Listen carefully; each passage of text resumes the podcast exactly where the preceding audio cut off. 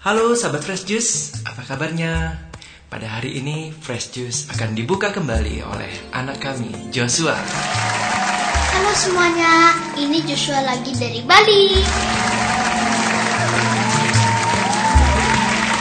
Opa, Oma, Om dan Tante, dan kakak-kakak semuanya, semoga sehat semuanya ya. Joshua berdoa di tengah-tengah virus corona ini semuanya selalu dilindungi oleh eh, oleh Tuhan ya. Jaga kesehatan dan sementara diam di rumah aja ya. Hari ini Sabtu 4 April 2020 kita akan mendengarkan renungan Fresh Juice yang akan dibawakan oleh Romo Rudi Rakito Jati UMI dari Jakarta. Ayo kita dengarkan bersama-sama.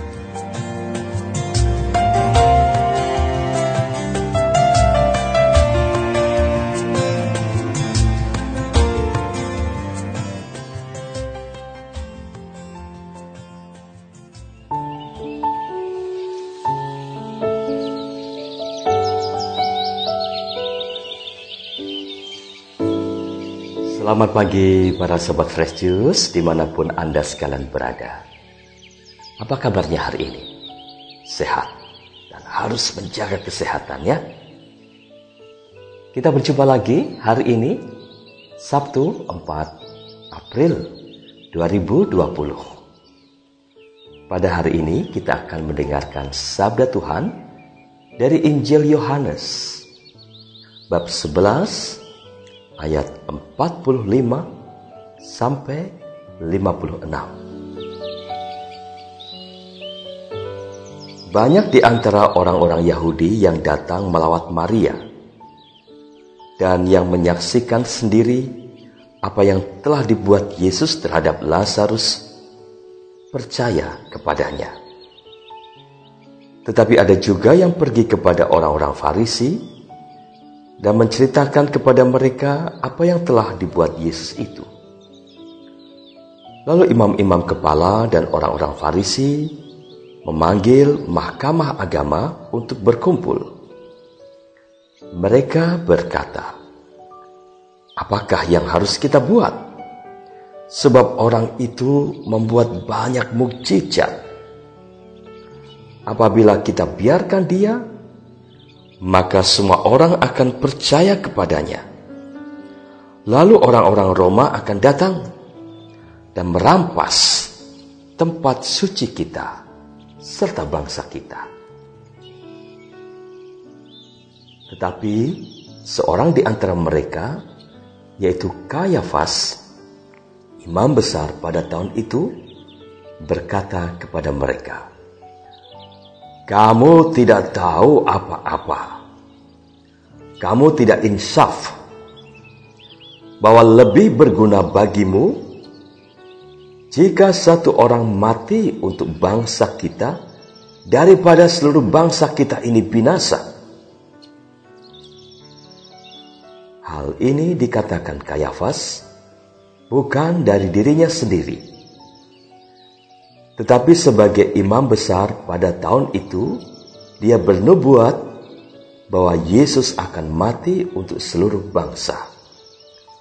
Bukan untuk bangsa itu saja, tetapi juga untuk mengumpulkan dan mempersatukan anak-anak Allah yang tercerai berai.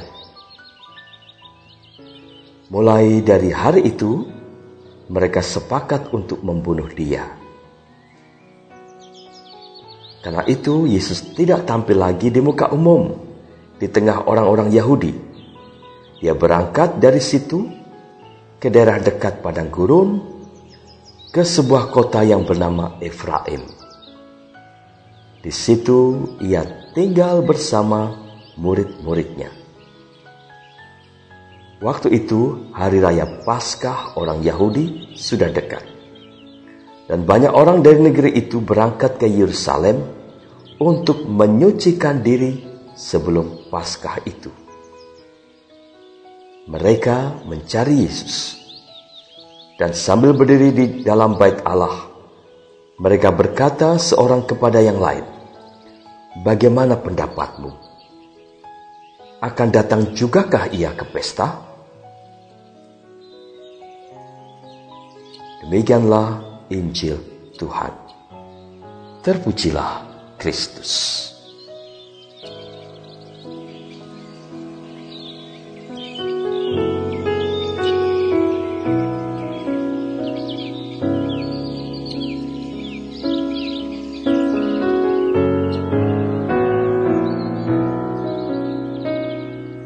Para sahabat Fresh Juice, saya yakin bahwa perayaan Pekan Suci, khususnya Tri Hari Suci tahun ini, akan menjadi sebuah perayaan iman Katolik yang paling tak terlupakan dalam sejarah hidup kita masing-masing.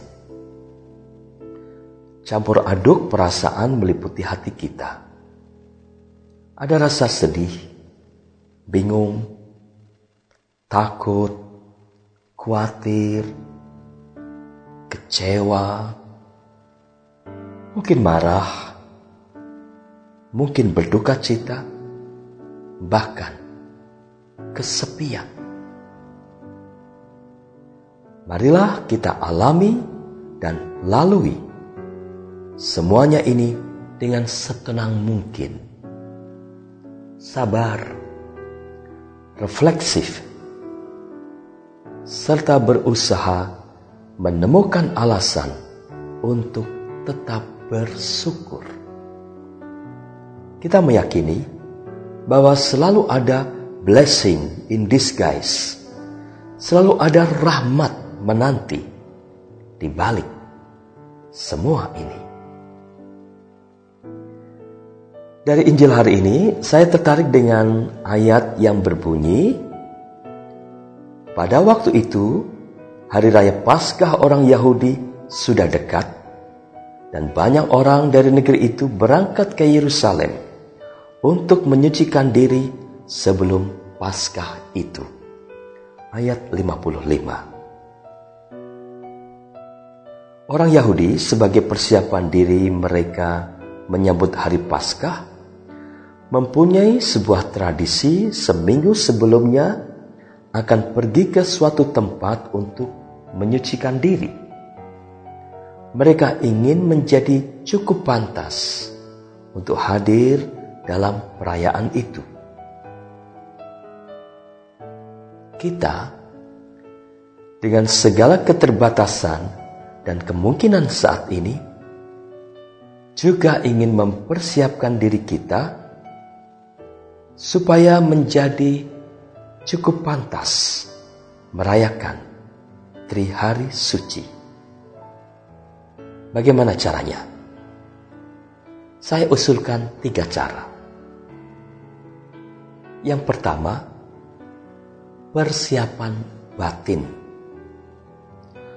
Saat ini tampaknya di banyak paroki tidak memungkinkan menerima sakramen pengakuan dosa secara langsung, face to face. Meski demikian, kita tetap mengambil waktu untuk memeriksa perjalanan hidup kita, menyadari berbagai kekurangan dan kelemahan kita. Coba saja nanti ambil selembar kertas dan pena, supaya kita bisa mencatat daftar dosa-dosa yang pernah atau sering kita lakukan. Dicatat bukan untuk disimpan, tetapi untuk membantu kita sungguh ingat kelemahan dan kedosaan kita. Nantinya kertas itu boleh kita musnahkan, entah disobek, entah diapakan. Setelah itu kita akan berdoa memohon ampun kepada Tuhan dan belas kasihnya. Kelak, ketika wabah ini sudah usai kita akan mencari waktu untuk menjumpai seorang imam agar bisa menerima sakramen tobat face to face. Dua, persiapan fisik. Dalam situasi saat ini, setiap orang akan menjaga kesehatan dan meningkatkan imunitas tubuh dengan berbagai cara.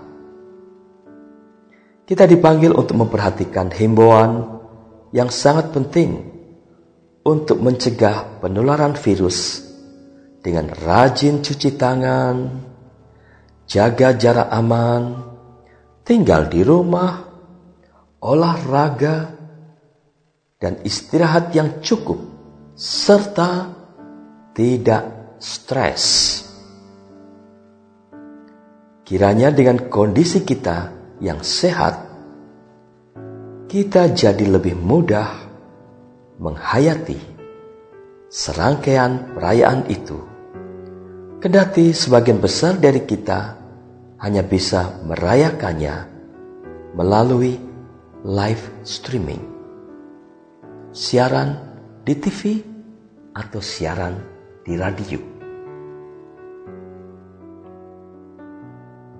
Tiga, persiapan sosial.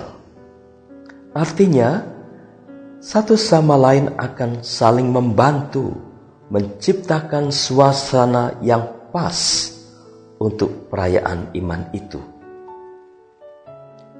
Suasananya adalah pertobatan dan syukur.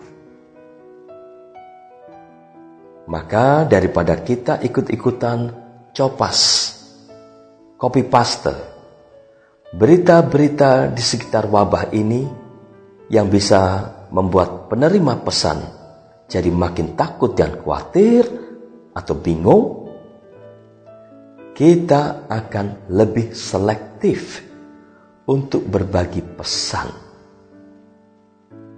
Hanya pesan-pesan yang positif, inspiring, yang memberi harapan, yang menguatkan iman, harapan, dan kasih yang akan kita bagikan. Misalnya, saya kirim slide jadwal live streaming, slide doa, slide renungan singkat, lagu rohani yang bagus. Tetapi juga jangan keseringan copas. Nanti kita kerjanya hanya pegang handphone melulu. Atau kirim resep masakan. Tapi jangan juga keseringan ya. Nanti lama-lama semua kancing baju kita ikut-ikutan jaga jarak loh. Selain itu, satu hal yang sangat penting adalah kita berdoa, kita mendoakan. Kita mau membawa dalam doa kita kesulitan dunia saat ini, kesulitan negara kita ini, mendoakan para dokter, dan para medis lainnya.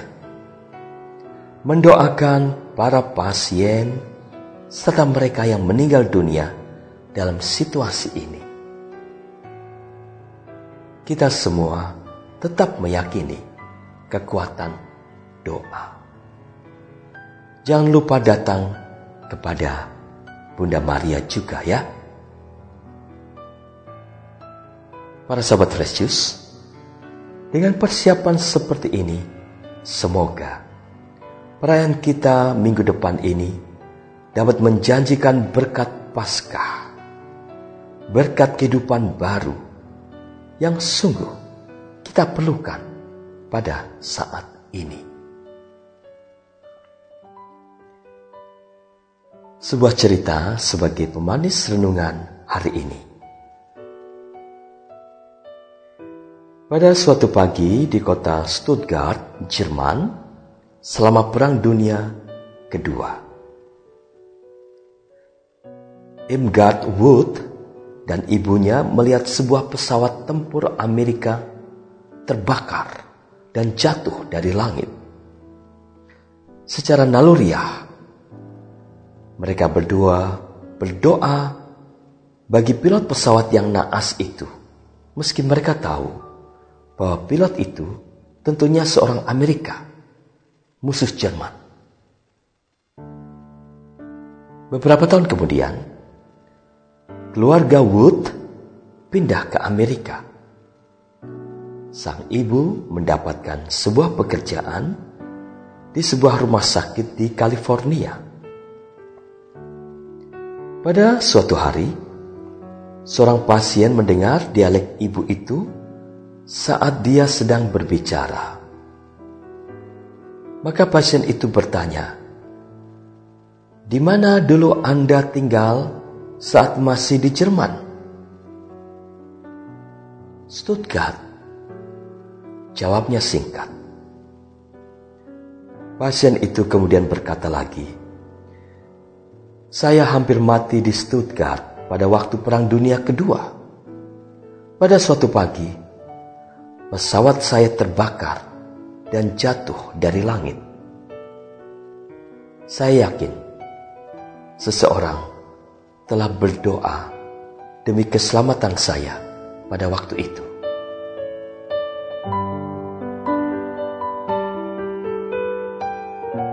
Para sahabat Fresh Juice, bagaimanapun keadaan kita saat ini, marilah kita tetap mengimani bahwa Tuhan tidak pernah meninggalkan kita. Dia bahkan bekerja lebih keras pada saat ini. Amin. Tuhan memberkati kita semua. Sampai jumpa. Opa, oma, om, tante, dan kakak-kakak semuanya, kita baru aja mendengarkan Fresh Juice hari ini. Bersama Romo Rudi Rakito Jati. Sampai jumpa lagi semuanya. Ingat, jaga kesehatan dan jangan panik. Tetap tenang dan berdoa pada Tuhan. Dadah semuanya. Salam fresh juice.